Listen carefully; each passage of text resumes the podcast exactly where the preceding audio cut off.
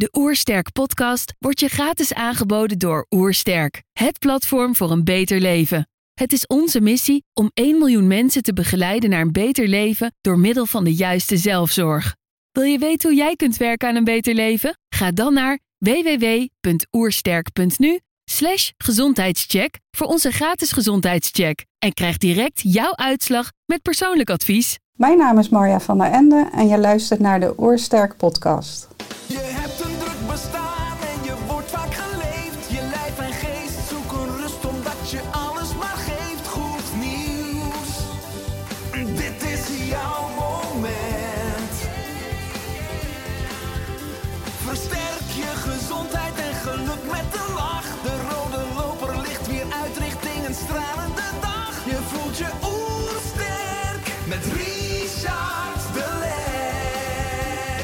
Zijn hier in Heemskerk voor een podcast met Marja van der Ende.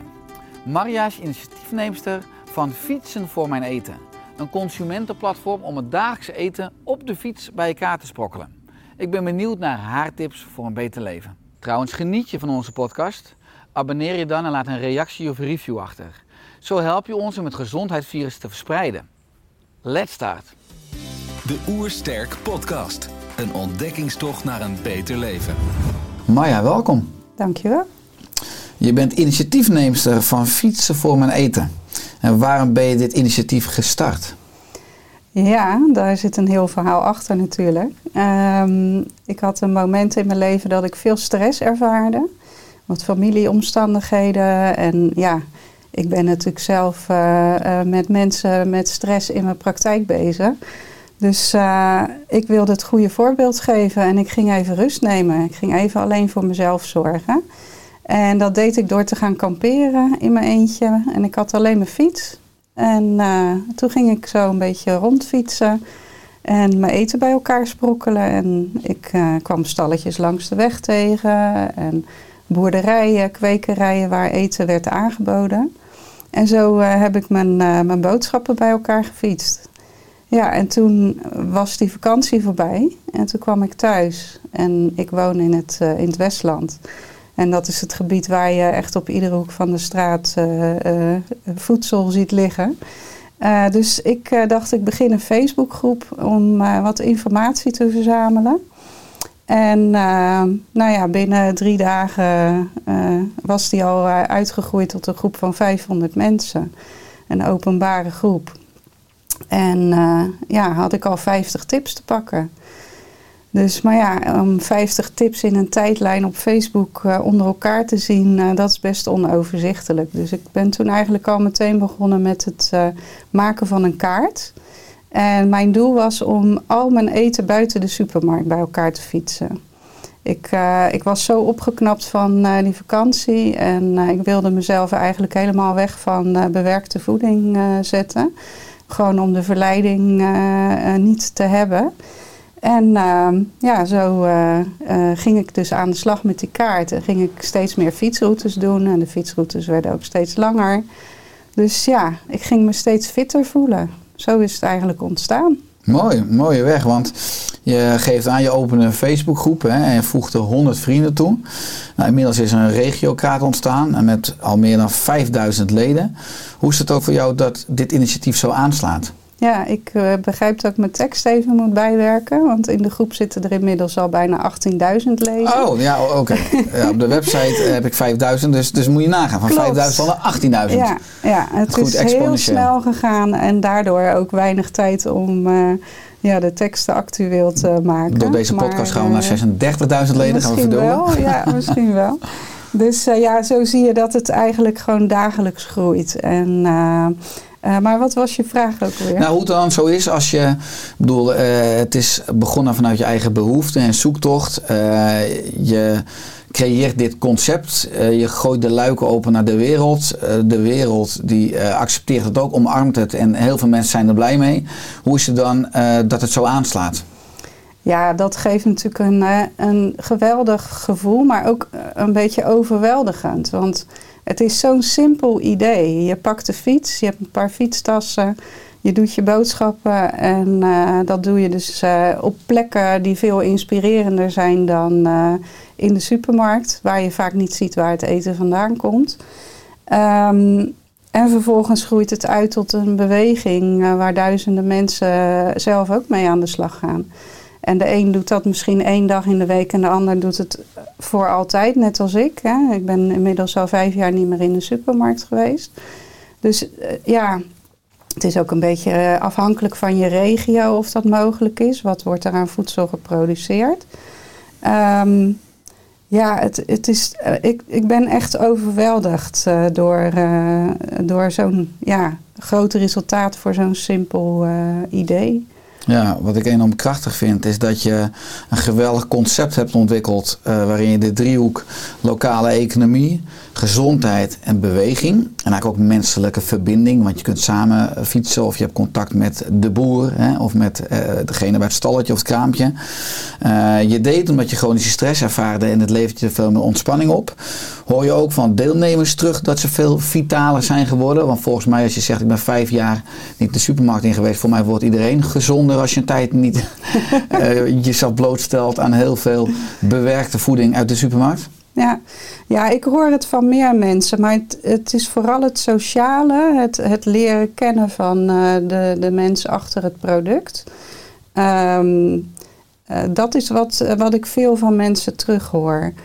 Iedereen heeft zo zijn eigen leven en probeert het in zijn eigen leven een plek te geven. En wat ik zeg, voor de een is dat één dag in de week of één fietstocht in de week. En voor de ander is dat bijna dagelijks. Dus het is heel, dat wisselt heel erg. En um, waar de mensen in de Facebookgroepen vooral uh, naar op zoek zijn, dat zijn gewoon adressen van uh, lokale voedselproducenten. Zodat ze zoveel mogelijk rechtstreeks kunnen kopen. Um, om die ondernemer te steunen en om uh, verser te eten, omdat het natuurlijk niet een hele lange weg heeft afgelegd. En, minimaal een week uh, later pas gekocht wordt. Um, maar ja, er zit ook een kant aan van, van tegen verspilling. Hè? Want er worden vaak langs de weg ook producten aangeboden waar een plekje op zit. Nou, er zijn heel veel mensen die dat fijn vinden, dat ze, dat ze meedoen aan de beweging tegen voedselverspilling. er wordt veel minder plastic verbruikt. Uh, omdat je of je eigen verpakkingen meeneemt. Of ja, gewoon uit kratten vandaan pakt wat je nodig hebt. dus er zit veel meer achter dan alleen het stuk fietsen voor je eten. Dus dat, dat heeft mezelf ook verrast. want dat ontdekte ik eigenlijk ook door het een paar weken te doen. Dat al die aspecten daar ook aan zitten. Ja, wat ik sterk vind natuurlijk in de oertijd. Hè, als de oermens honger had, dan moest je in beweging komen. Want je moest die pastinaak uitgraven of je moest die noten kraken of bessen plukken. Dus beweging en voeding waren altijd aan elkaar gekoppeld. Wat nu eigenlijk uit elkaar is, omdat we nou, met de auto naar de supermarkt rijden, onze kar volgooien of we laten hè, uh, Albert Heijn of de Jumbo al thuis bezorgen. Uh, dus die uh, koppeling voeding en beweging breng je terug. Maar ook wat je zegt kun je als burger dus je footprint verkleinen. Ik las een interview met een deelnemster ook aan uh, fietsen voor mij eten. En die zei: uh, producten uit de supermarkt hebben vaak duizenden kilometers gereisd voordat het op je bord ligt. Terwijl je ook lokaal vlees, groenten en zuivel kan kopen. Daarnaast krijgen producenten een eerlijkere prijs als je direct bij hun komt en je weet waar je eten vandaan komt. Je weet dat het voldoet aan de strengste eisen van een andere dierenwelzijn. In het buitenland zijn de regels soms niet zo streng, terwijl we die producten wel importeren. Dus we zijn we veel meer verbonden met de oorsprong van voedsel. Nou, als we dan hè, eh, die sprong maken, want met fietsen voor, voor mijn eten steun je lokale ondernemers, kleine winkels, tuinders en boeren in de lokale omgeving. Hoe kijk jij naar het huidige voedingslandschap waar een paar grote supermarkten bijna de gehele bevolking van voeding voorzien? Ja, hoe kijk ik daarnaar? Nou ja, ik denk dat het feit dat ik daar niet meer kom al uh, voldoende zegt. Uh, ik wil daar gewoon uh, geen onderdeel van, uh, van zijn. Ik wil daar mijn, mijn boodschappengeld niet, niet uitgeven. Dat komt deels omdat er beleid is waarbij de, de prijsstelling zo laag mogelijk moet zijn. En er soms gestund wordt met bepaalde producten in de supermarkten. waarvan ik denk van, nou ja, dat heeft een hele lange, juist een hele lange weg afgelegd. Maar dat zijn lokkertjes. En um, ik denk dat we veel te veel met neuromarketing trucjes worden verleid om nog meer te kopen.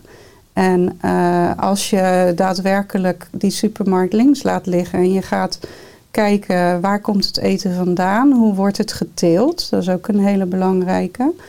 Um, dan ga je anders eten. Ik heb gemerkt dat ik uh, met minder hoeveelheid uh, toch voldoende binnenkrijg.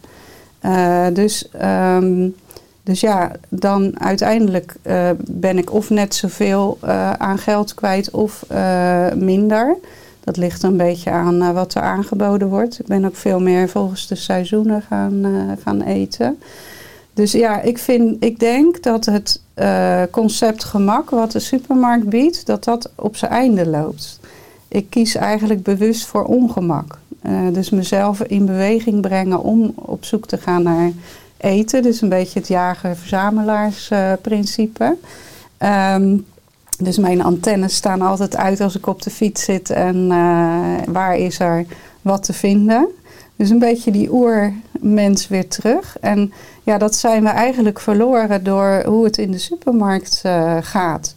He, dus dus uh, daar worden de paden voor ons uitgestippeld. En daar worden we verleid nog bij de kassa om nog wat meer mee te nemen. Terwijl dat we het eigenlijk helemaal niet nodig hebben. Ik denk dat 70%, 75% van de producten die in de supermarkt liggen, producten zijn die we helemaal niet nodig hebben om onszelf te, echt te voeden. Dat is hmm. vaak vulling en geen, uh, geen voeding. Dus um, ik hoop hierin ook een voorloper te zijn uh, om aan mensen te zeggen van uh, word weer die jager-verzamelaar van vroeger. En ga ook veel meer in contact komen met je lichaam. Wat heeft mijn lichaam eigenlijk nodig? Waar heb ik behoefte aan? Ja, en dat is een heel lastig verhaal, omdat we zo ver weg zijn van onze natuur. We zijn al ver weg van uh, de natuurlijke voedselproductie. Je ziet nu, in, dat heb ik natuurlijk in die jaren dat ik nu fiets voor mijn eten, heb ik gezien hoe die voedselproductiebedrijven Um, hoe zij telen en, en uh, of ze dat op de bodem doen of uh, in substraatteelt. Ik woon natuurlijk in het Westland, dus dat is echt tuinbouw summum van, van de wereld. En daar wordt wel nagedacht over hoe kunnen we op zo min mogelijk oppervlakte zoveel mogelijk produceren. Want we moeten de hele wereldbevolking voeden. Hè, er wordt heel veel geëxporteerd. Maar er wordt eigenlijk naar mijn idee nog te weinig gekeken naar bevat dat voedsel dan nog voldoende voedingswaarde? Zitten daar nog genoeg vitamines, mineralen, zit daar nog genoeg levenskracht in, in die voeding? Dus, um, dus ja, ik ben, uh, um, ik ben echt een voorstander van variatie. Dus ik, ik probeer zoveel mogelijk verschillende uh, kwekers en boeren te bezoeken. En ook met hun in gesprek te gaan om te kijken hoe is het voor hun? Hoe telen zij? Tegen welke uitdagingen lopen zij aan? Interessant en heel sterk wat je zegt op voedingsgebied, vooral variatie belangrijk. En ook vooral op gezondheidsgebied dat ongemak, hè? dus juist dat gemak vermijden. Nou, jullie initiatief brengt boeren en burgers dus bij elkaar. Wat vinden boeren uh, van deze nieuwe, eigenlijk ook grotere afzetmarkt? Um, nou ja, er zijn steeds meer boeren en tuinders die overgaan op, uh, op een eigen verkooppunt. Uh, dus onze kaart breidt zich uit. Wij hebben onze landkaart op de website hebben we verdeeld in 130 fietsbare regio's. Um, want ja, als je het per provincie doet, dat is natuurlijk niet te fietsen. Dan raak je al heel snel um, gedemotiveerd. Ja, gedemotiveerd. Ja. Zeker als je, uh, als je net in beweging komt en nog niet zulke lange fietstochten zou kunnen maken. Dus die, die 130 regio's, daar eh, willen we dus eigenlijk mensen in als voorfietser die, uh, die groepen in beweging brengen. En um, We hebben er nu meer dan twintig inmiddels in Nederland. Dus eh, ook mede door de coronacrisis is dat eh, sterk gegroeid. Eh, omdat toen heel veel mensen op zoek gingen naar, eh, naar voedsel. 20 regio's bedoel je? Eh, 20 actieve regio's. Dus 20 van die 130 regio's die hebben een Facebookgroep en een regiopagina. Maar die 100, in die 130 regio's hebben we wel al tips. Dus we verzamelen via de website alle tips. En wij verzamelen ze als consumenten. Dus de informatie die je op onze site vindt, is niet geldgestuurd. Het is niet zo van jij moet zoveel betalen voor een plek op de kaart. Nee, iedereen die eh, voedsel aanbiedt, die mag daarop komen. En ehm, die tips die worden dus door consumenten die zelf gaan fietsen en dat spotten eh, gezien en, eh, en doorgegeven. Dus zo vullen we onze kaart. En in die actieve regio's waar een voorfietser zit, daar is meer verbinding met de voedselproducenten zelf. Omdat we met hun samen dingen organiseren. Dus zo heb ik eh, in mijn eigen regio soepfietstochten georganiseerd. Waarbij we dus eh, langs verschillende voedselproducenten fietsen. En eh, de ingrediënten voor de soep bij elkaar eh, sprokkelen. En dan de soep ook samen gaan maken. Dus eh, het is ook nog meteen een kookworkshop, zeg maar. En ja, die, die voedselproducenten die vinden, dat, die vinden dat heel leuk. Die, die zien een andere manier van onder de aandacht komen. Eh, dus eh, Dat is heel creatieve marketing ook voor de boeren en de tuinders om dit te zien. ja, en wij doen dit allemaal met vrijwilligers. Dus er zit geen verdienmodel achter. Het is echt juist doordat het niet geld gestuurd is, dat mensen zich vrij voelen om naar een bepaalde voedselproducent eh, toe te fietsen. Maar het onder de aandacht komen en genoemd worden en onderdeel zijn van, ja, dat zorgt ervoor dat, dat ze dat heel fijn vinden. Ja, leuk. Ik zag Ja. ook een video eh, waarin je geïnterviewd werd over de soepfietsenroutes. Eh, nou, ik werd er helemaal enthousiast van. Ik kreeg er ook een beetje trek van. Ehm, het is enorm leuk dat jullie zo verschillende routes eh, aanbieden. Je geeft aan dat jullie nu 20 actieve regio's hebben. Is de ambitie voor de toekomst ook om al die 130 zeg maar, regio's actief te krijgen? Ja, uiteraard. En dan heb je landelijke dekking. Dan hebben we landelijke dekking. Ja. En kunnen mensen dit concept ook in hun eigen regio opzetten? Want er zijn genoeg mensen die nu luisteren of kijken die denken: hé, hey, dat is ook interessant hier in mijn regio. Ja, als er nog geen actieve regio is in hun gebied, dan eh, kunnen ze zich aanmelden via de website eh, naar een eh, landelijk formulier. En daar, dat vullen ze in en dan nemen we contact op. En dan zorgen we ervoor dat de regio, dat zij eigenlijk alle technische zaken krijgen, waardoor ze hun eigen Facebookgroep eh, kunnen opstarten en eh, op de website eh, hun ding kunnen doen. Ja, want je noemde net al het woord voorfietser. Ik lees dat er in elke actieve regio één of meer voorfietsers actief zijn die de mensen in de regio motiveren om de fiets te pakken voor hun dagelijks eten. Hoe reageren mensen meestal op deze voorfietsers? Want ik kan me voorstellen als je ergens woont en je gaat altijd naar de supermarkt en dat is, nou, zo ben je eigenlijk opgevoed. En ineens zegt iemand, nee joh, eh, eh, ga nou af en toe de fiets pakken, want ik heb hier een kaartje en je kan hier oh, eh, nou, in je eigen wijk of omgeving, kan je gewoon lekker al je eten bij elkaar sprokkelen. Wat is, wat is ook veel geworden eerste reacties? Ehm, ik heb een keer een hele leuke opmerking onder een Facebook eh, berichtje gekregen. En dat was, ik heb eindelijk die stalen rols weer uit mijn schuur gepakt. Want ik heb nu een doel om te fietsen. En dat is toch wel even het gemiddelde hoe mensen reageren. Dus als ze eh, weer een stukje in de krant zien, een aankondiging voor een fietstocht. Of eh, als ze dan lid worden van, eh, van onze Facebookgroep. Ja, dan zie je altijd wel dat soort reacties eronder. Er zijn ook mensen die gezondheidsproblemen hebben waardoor ze niet kunnen fietsen. Maar die hebben dan natuurlijk wel die adressen. Dus ze, ze kunnen wel het verse voedsel eh, dan op een andere manier eh, bij elkaar eh, ja, in hun boodschappenmandje krijgen. Dus, ehm, dus het fietsen is wel iets wat voorop staat in onze naam. Maar ja, ik ben ook wel zo, zo'n realist dat ik weet dat niet iedereen de fiets pakt. Ehm, dus ja, en dan zijn er nog zoveel andere kanten aan dit initiatief die de goede kant op, op gaan. Dus de, de, de boeren en tuinders worden beter gesteund, krijgen een eerlijke, eerlijkere prijs. En eh, ja, op die manier uh, mensen gaan gezonder eten.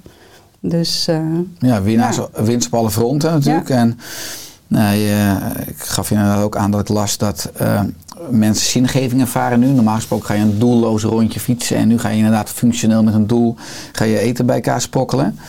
Uh, ik lees ook dat er enorm veel vrijwilligers zijn inmiddels. Uh, en dat er ook hechte verbindingen zijn ontstaan. Ook tussen consument en aanbieders. Hoe is dat ook voor jou om dat, uh, om dat waar te nemen? Dat, dat er nou ook nieuwe vriendschappen ontspruiten?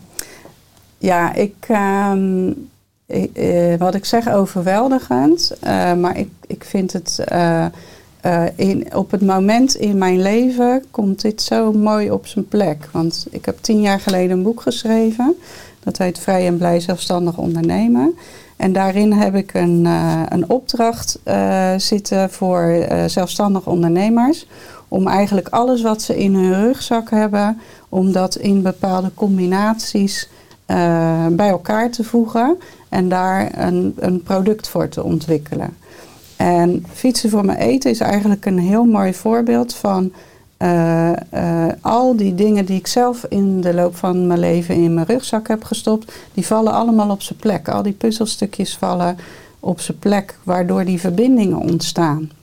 En waardoor het dus de kracht heeft gekregen die het nu heeft gekregen. Uh, dus, um, dus ja, voor mij is het gewoon een bevestiging dat het verhaal in mijn boek van tien jaar geleden, dat ik dat verhaal nu leef.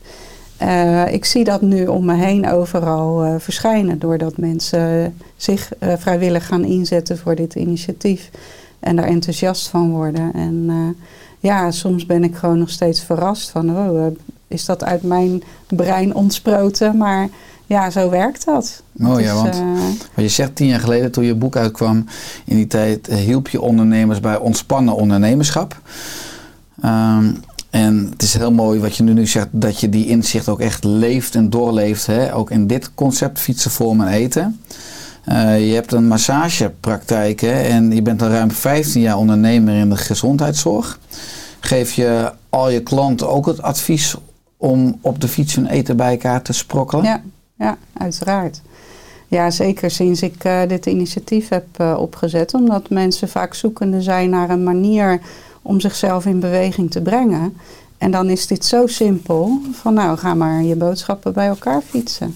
Heb je een fiets, heb je fietstassen of een mand en je stapt op de fiets. En uh, heel veel cliënten in mijn praktijk die hebben uh, uh, weerstand tegen de sportschool.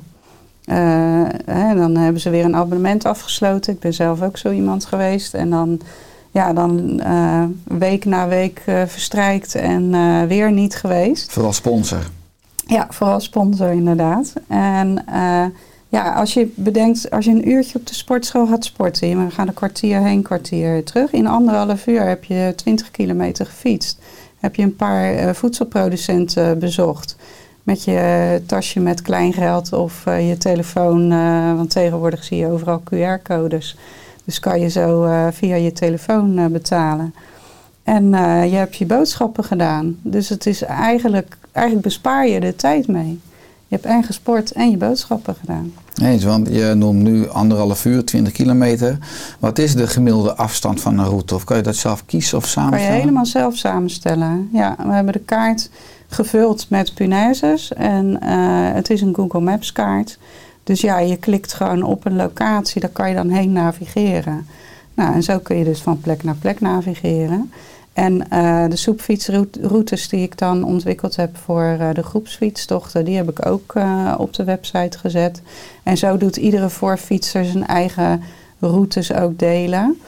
En ik schrijf in de Facebookgroep, doe ik altijd een fotoverslag. En daar doe ik ook altijd een kaartje bij van uh, ja, welke route heb ik gefietst en hoeveel kilometer is dat. En welke, uh, welke voedselproducenten heb ik bezocht. En uh, ja, zo kunnen mensen dat zelf ook doen. Leuk. En je geeft zelf aan, ik ben al vijf jaar niet in de supermarkt geweest. heb je vaste dagen dat je op de fiets stapt om je rondjes te maken? En hoeveel kilometer fiets jij nou gemiddeld in de week?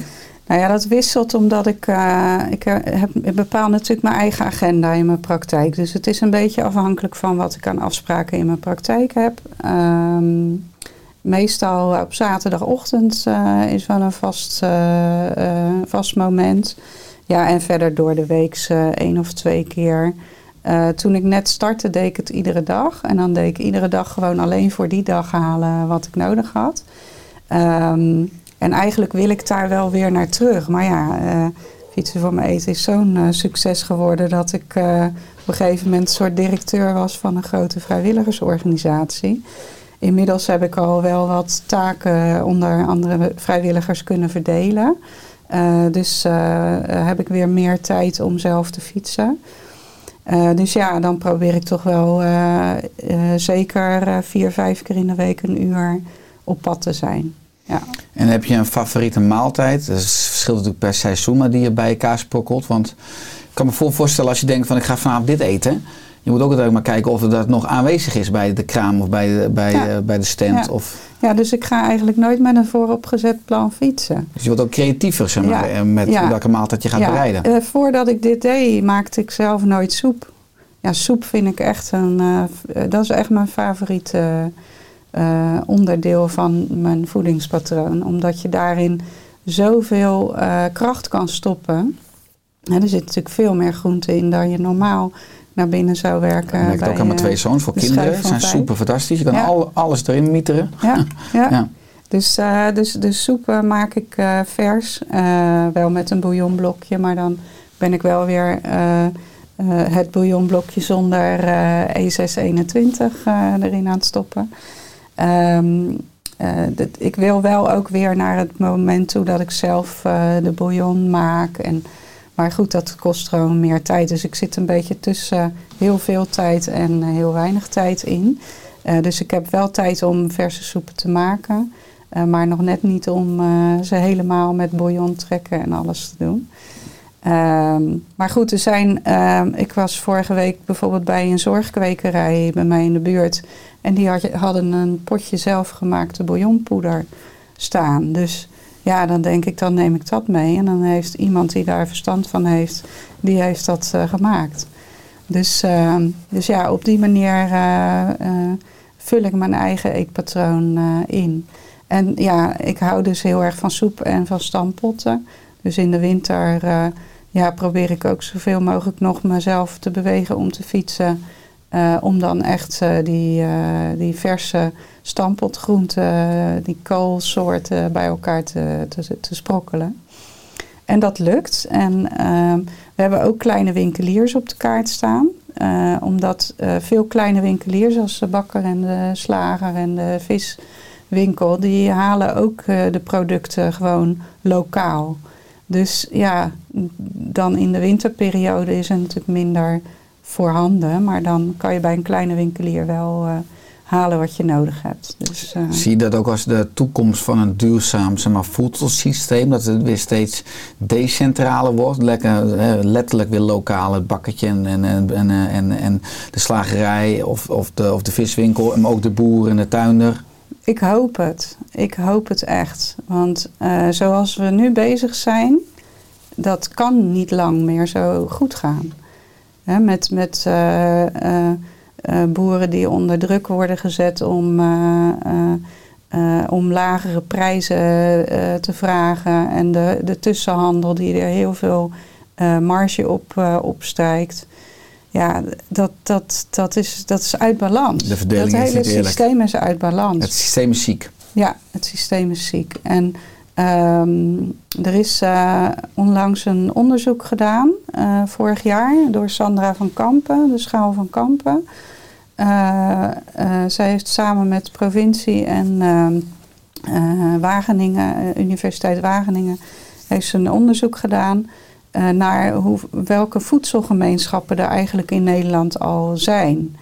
En dat zijn dus voedselgemeenschappen als herenboeren, buurtuinen, stadstuinen. Nou, fietsen voor mijn eten is ook genoemd als voedselgemeenschap. En er zijn er dus al meer dan 400 in Nederland. Dus er is altijd in je eigen provincie eh, is er eh, van alles te vinden waar lokaal voedsel eh, eh, ge- geproduceerd wordt en gekocht kan worden. En soms met een abonnement, dat mensen bijvoorbeeld zelf eh, gaan oogsten. Eh, soms met een, een, eh, een box waar verschillende lokale producten bij elkaar komen. En die één keer per week kan ophalen. Ehm, en soms gewoon losse verkooppunten zoals wij met Fietsen voor mijn eten doen. Maar wij proberen dus ook al die initiatieven op onze kaart te zetten. Zodat mensen zelf kunnen kiezen waar ze voor gaan. We, we schrijven ook geen eetpatroon voor. Hè, want als je dat gaat doen, dan, dan raak je mensen kwijt. Als je ze gaat vertellen wat ze in een eh, mandje moeten stoppen, dan eh, zijn ze gauw weg. Dus ja, we, als voorfietsers zijn we gewoon het levende voorbeeld van hoe je eh, je boodschappen anders kan doen. En eh, ja, zo hopen we me- andere mensen in beweging te brengen. Mooi. Nou, ik denk dat het een enorme krachtige revolutie van onderaf is. Hè, via de hoofden en harten van burgers. Zeker omdat jullie concept ook niet geldgedreven is. Hè. En de hele wereld draait nu om de economie en vooral dan om geld en om marges. Eh, je geeft aan dat je bijvoorbeeld in de soepfietsroutes, terwijl je vroeger nooit soep at, hè, dat je daar nu gek van bent en dat dat je daar geen E621 in toevoegt. Dat is een mononatriumglutamaat, dus echt een smaakversterker. De moderne mens krijgt natuurlijk best veel E-nummers en allerlei kunstmatige stoffen binnen die een invloed hebben op de smaak. Merk je ook dat je smaak puurder wordt of is geworden nu je veel meer echte producten eet? Ja, ja ik heb eh, ehm, eh, sowieso veel minder eh, zoet nodig. Veel minder zout. Ik doe ook, voeg ook eigenlijk nooit zout toe aan, aan de soepen, want er zit eigenlijk al zoveel smaak in de ingrediënten eh, die daarin gaan. Ehm, dus ehm, ja, en, en eh, ook als ik nog iets bewerkt eh, koop, dan doe ik dat bij een biologische winkel, omdat de, de, de ja, extra stoffen die in bewerkt, ik noem dan even zo'n zo'n bouillonblokje Mhm. bijvoorbeeld, of een, een potje mayonaise of een, eh, een dressing voor op de sla. Weet je, er zijn toch nog wel wat producten die zorgen voor een stukje gemak. Eh, dan kijk ik altijd goed op de verpakking eh, welke stoffen zijn er gebruikt om het langer houdbaar te maken. En ja, ik beperk dat dus zo tot een minimum. Dus op die manier vul ik dat in. Ja, ja, ik vind het enorm leuk als ik kijk op YouTube. Ik doe natuurlijk voor iedere podcast ook uitgebreid research. Ik zag ook een video waarin je de fietsburgemeester van Westland was. Welke gekke of originele dingen heb je ook door fietsen voor mijn eten nou afgelopen jaren al meegemaakt? Ehm, nou ja, de meeste gekke dingen heb ik zelf wel bedacht. Eh, bijvoorbeeld eh, kerstdiner fietsen, waarin ik met een kerstmuts op mijn hoofd een route rij. En waarin we dus een, eh, eh, vooraf een wedstrijd voor eh, wie heeft het mooiste kerstdiner.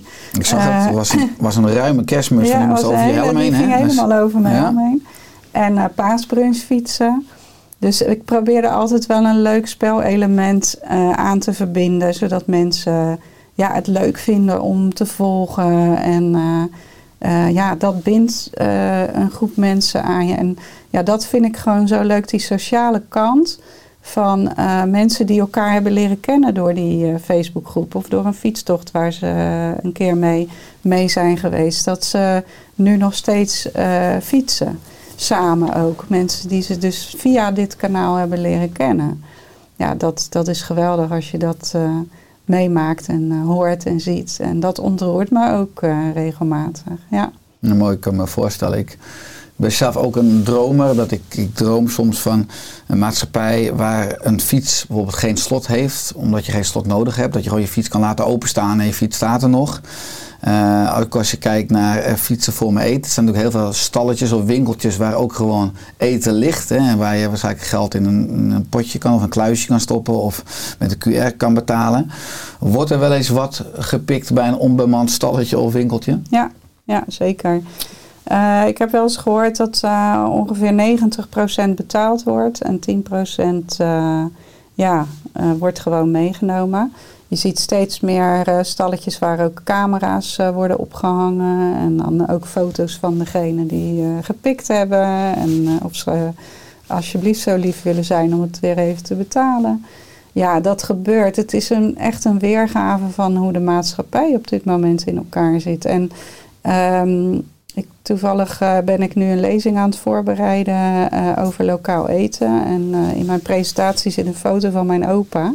Ik ben kleindochter van een, van een tuinder.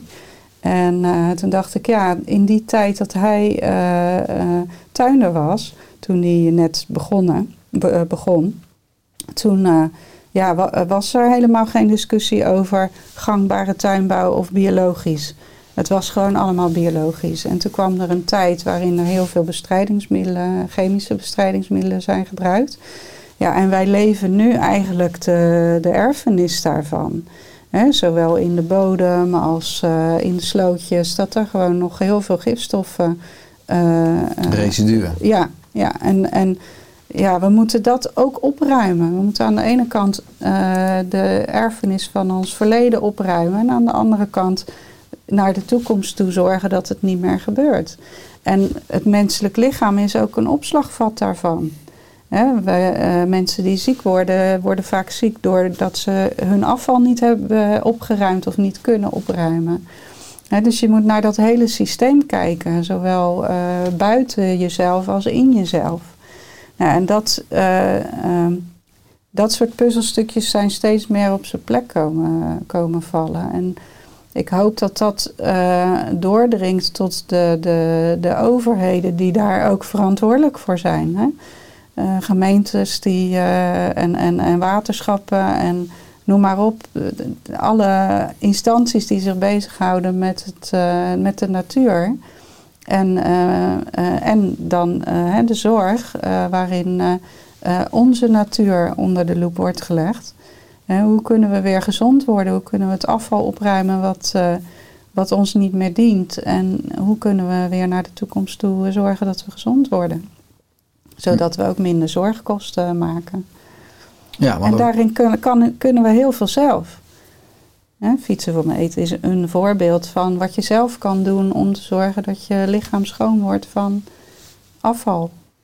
Ja, ik ben het met je eens, maar mooi hoe je aangeeft hoe ook alles met elkaar samenhangt. Ook als je niveau hebt over, over afvalstoffen of in de voedselketen. Hè, dat komt weer in ons lichaam, wat inderdaad weer leidt eh, op lange termijn tot, tot zorgkosten.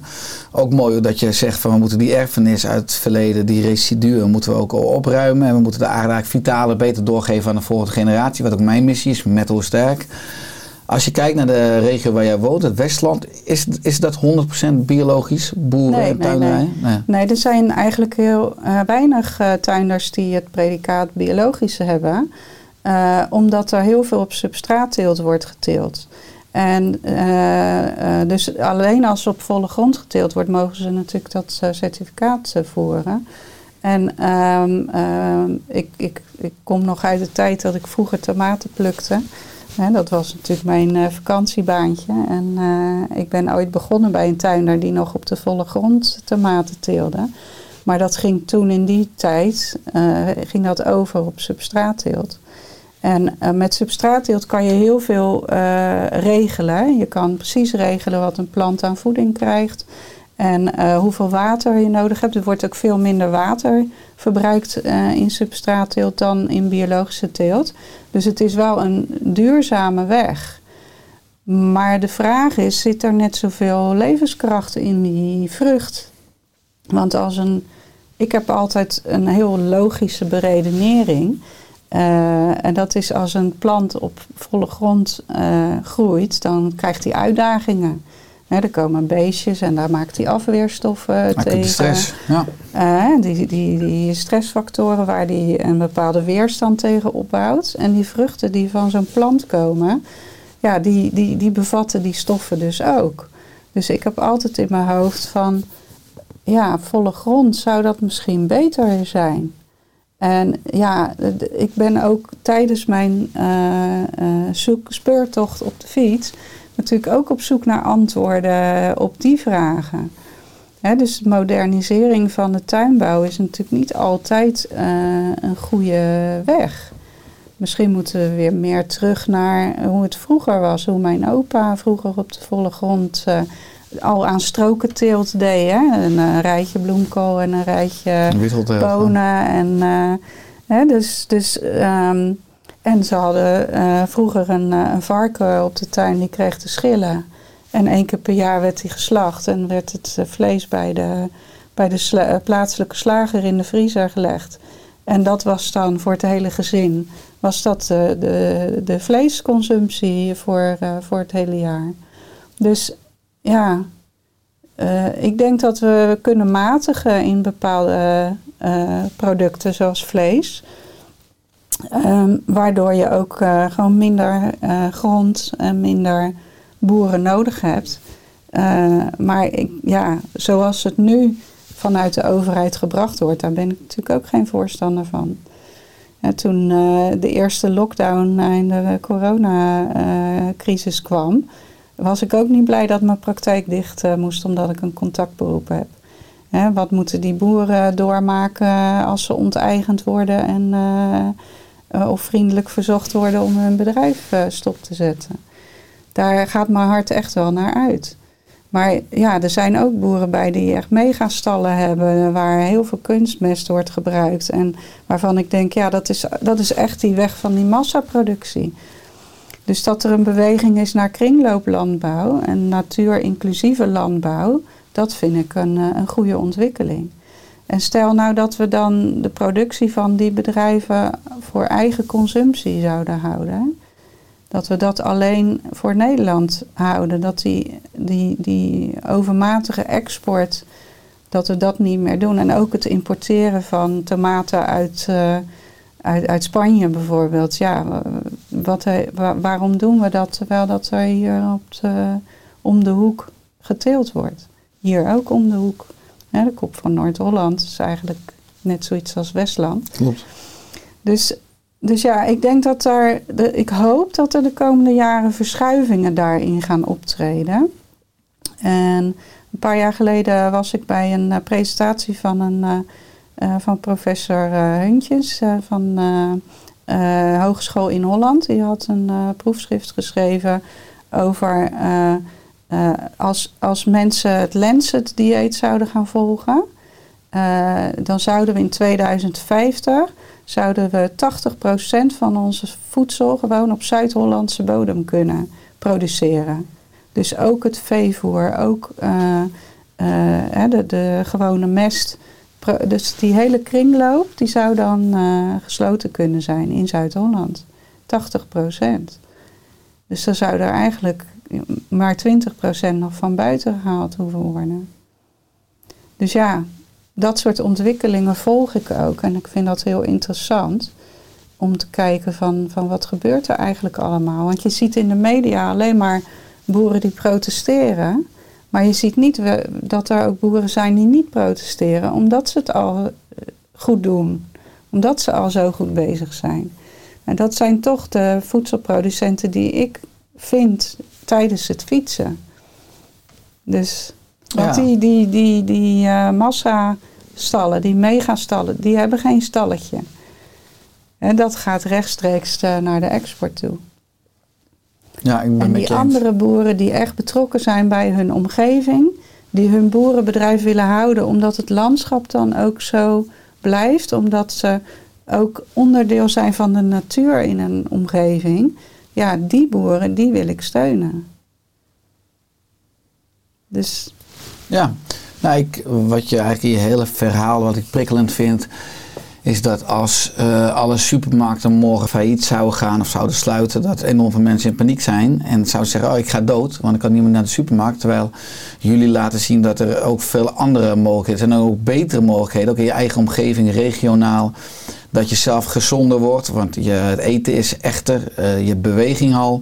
Dat de boer een eerlijke prijs krijgt. Dus dat we als wereld, eigenlijk als lokale economie, eh, ook veel sterker hè? en eh, gezonder worden. Wat je ook nu als je uitzoomt natuurlijk in Nederland ziet, ook op andere gebieden, dat de lokale boekhandels het echt zwaar hebben omdat bol.com bijna alles opslurpt. Of dat de schoenenwinkels lokaal het zwaar hebben omdat iedereen bij Salando eh, schoenen koopt. Of dat nou ja, thuisbezorgd.nl, eh, dat mensen En dat de lokale snackbar, kan je daar natuurlijk ook over twisten. Maar dat, dat die grote eigenlijk spelers ja, bijna alles opslurpen en daarmee ook heel veel kunnen bepalen.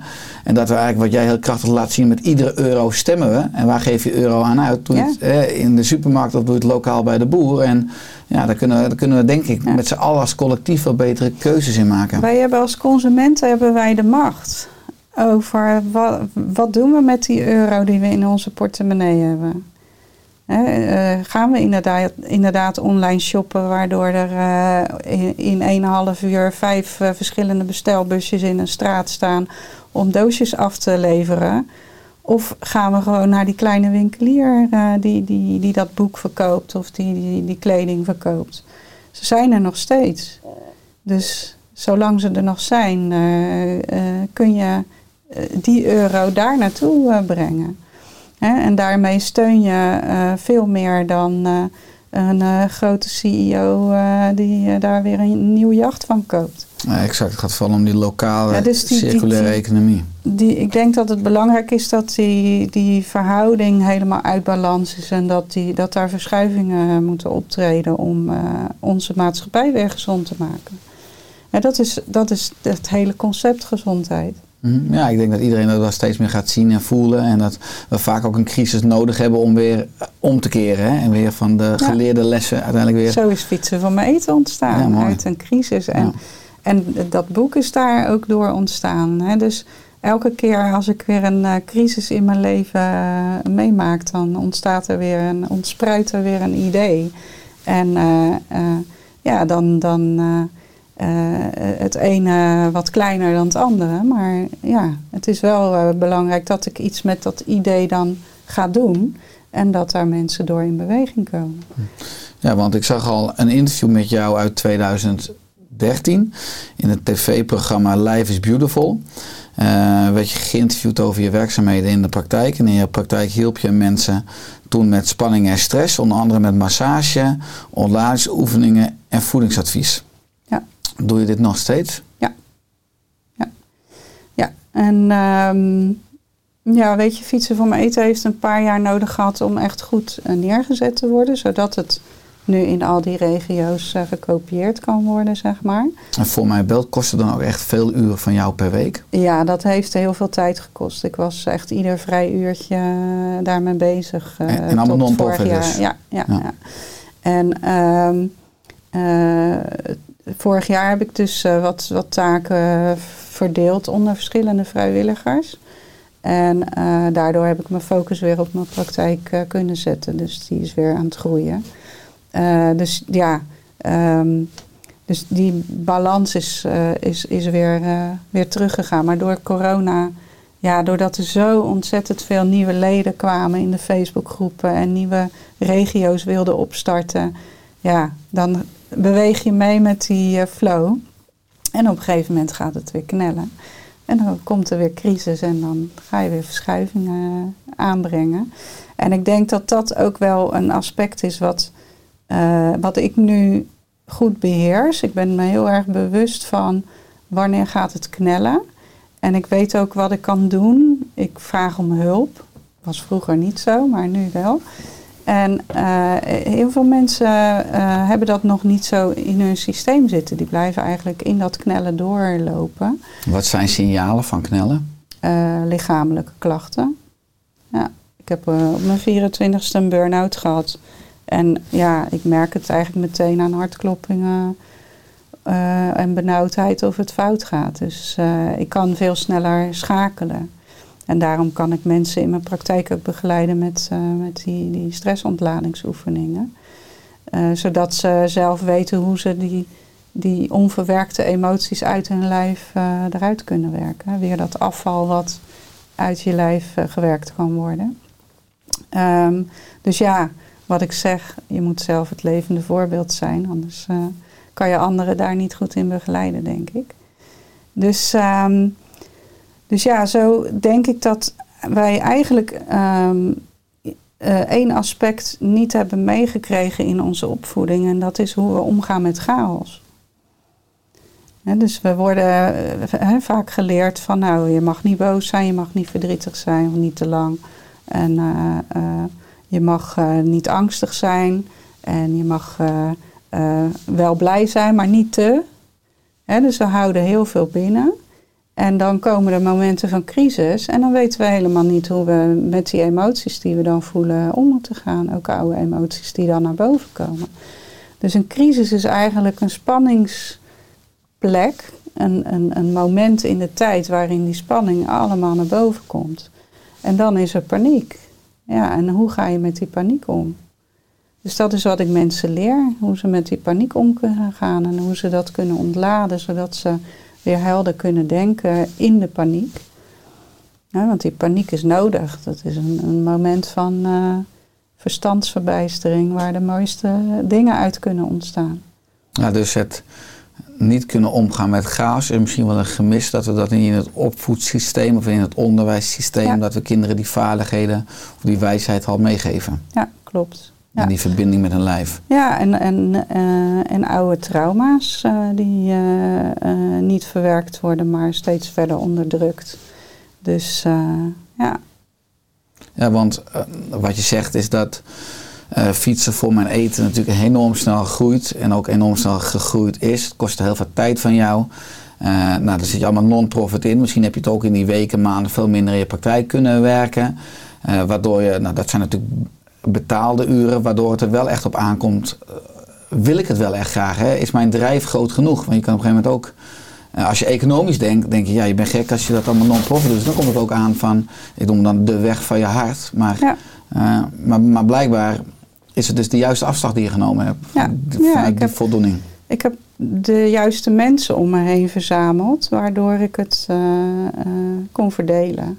En eh, ik denk dat dat gewoon belangrijk is als je zoiets, eh, zo'n initiatief opzet, dat er eh, gewoon hoe meer mensen zich daar enthousiast voor maken, vrijwillig zich daarvoor voor inzetten, ja, hoe, hoe steviger dat fundament is. Ja. Maar wat is je missie of je droom voor aankomende jaren? Ehm, nou, voor, voor mij persoonlijk dat ik eh, fietsen voor mijn eten eh, kan loslaten. Dus dat het gewoon zijn eigen weg vindt met de mensen die daar eh, zich ja, enthousiast voor maken. Dus ehm, die de dagelijkse leiding hebben, die zorgen dat er nieuwe voorfietsers opgestart kunnen worden. Dat we uiteindelijk die 130 regio's kunnen activeren. Mhm. Ehm, en ja, ik blijf daar gewoon bij betrokken als. eh, Van als dragen. eh, ja, en ik wil daar ook nog een boek over schrijven, want dat is er natuurlijk ook niet van gekomen. Ik heb twee jaar geleden met mijn uitgever al een gesprek gehad, maar het boek is er nog steeds niet. Door de drukte. Ja, door de corona, eh, de ontwikkelingen door corona. Dus eh, weet je, ik mijn praktijk moest op slot eh, vanwege de lockdowns. En ik kon in die tijd natuurlijk meteen wel zorgen dat alles op de rit kwam. Mhm. Nu staat het. En ja, nu eh, mag het eh, zijn weg verder gaan vinden met eh, mensen die, die daar zich voor inzetten. Dus, en wie weet is er een organisatie die zegt van nou ik wil het als een project onder onze vereniging of stichting gaan opnemen. Zodat het een nog steviger fundament krijgt en daar misschien ook met abonnementen en dat soort dingen gewerkt kan worden. Ja. Maar dat, ik wil niet dat het geldgestuurde informatie wordt. Dan zou het meer abonnementen voor consumenten zijn. En daar een, eh, eh, een mooi informatievoorzieningssysteem achter.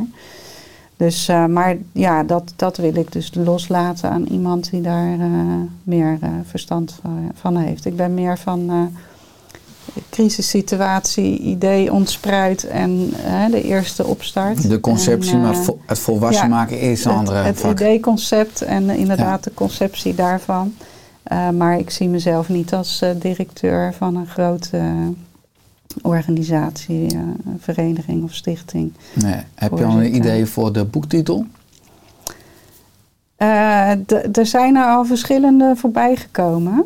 Ehm, eh, ik, ik weet nog niet welke ik ga kiezen. Het is niet fietsen voor mijn boek. nou, dat heb ik al vijf jaar gedaan nu. Hè? Ja, zeker. Dus om al die informatie te verzamelen die straks op papier komt. Dat heb je al Dus, eh, waargemaakt. daar, daar, eh, daar heb ik al hard voor gewerkt. Mooi, nou, Dus, ik vind eh, eh, Fietsen voor mijn eten een fantastisch initiatief. Daarom bied ik dat ook graag een podium in de Oerstek podcast. Is er aan het einde, Maya, van de podcast nog iets dat je graag wilt toevoegen of aanvullen? Nee, eigenlijk alleen dat ik eh, eh, mensen toewens dat ze ontdekken eh, hoe leuk het is om je eten op die manier bij elkaar te sprokkelen. Want ja, of je nou met een winkelwagentje door een supermarkt loopt waar de route is uitgestippeld en bedoeld is om zoveel mogelijk in dat karretje te, te gooien. Of je stapt op de fiets en je ziet de natuur om je heen en af en toe zie je een rood-wit geblokt eh, tafelkleedje waar wat op ligt. En dan stop je wat geld in een potje. Dat is toch echt een hele andere manier van, eh, van je boodschappen doen. Ja, en dat geeft zoveel energie. Alleen al door dat te doen. En de producten die natuurlijk veel meer energie bevatten. Dus en, en ja, eh, ik gooi ook bijna niks meer weg. Want alles verdwijnt of in salades of in soepen. Restjes die, eh, die gaan de prullenbak niet meer in. Eh, dat, dat wordt weer verwerkt omdat ik weet wie erachter zit. Wie, wie daar met hart en ziel aan gewerkt heeft om dat product te produceren. Je beter zicht en inzet in de hele voedselketen. Ja, Waardoor je ook bewuster gaat consumeren, letterlijk, en gaat eten Klopt. en gaat leven. ja. Waar kunnen mensen meer vinden over fietsen voor mijn eten, over jou, over je praktijk, over je boek? Nou, de website fietsenvoormijneten.nl natuurlijk. Eh, daar staat die landkaart op met die 130 regio's. En als je op een regio klikt, dan vind je in die regio alle verkooppunten. Je vindt er leesvoer, eh, eh, filmpjes van voorfietsers. Ehm, en mijn praktijk is te vinden onder succeed.nl met een X, S-U-X-E-E-D. Ehm, daar zit ook een heel verhaal achter, maar daar ga ik je nu niet mee vermoeien. Dat kan je allemaal op mijn website vinden. Dus ehm, ik zou zeggen, eh, informeer jezelf en eh, stap op de fiets. Eens. Dank Marja voor je komst in de Oerstek podcast. En dat we maar eh, samen mogen werken aan een wereld waar enorm veel mensen fietsen voor hun eten. Ja, ik, ik wens het ons toe. Dank je wel voor je komst. Jij bedankt voor de uitnodiging. Met liefde.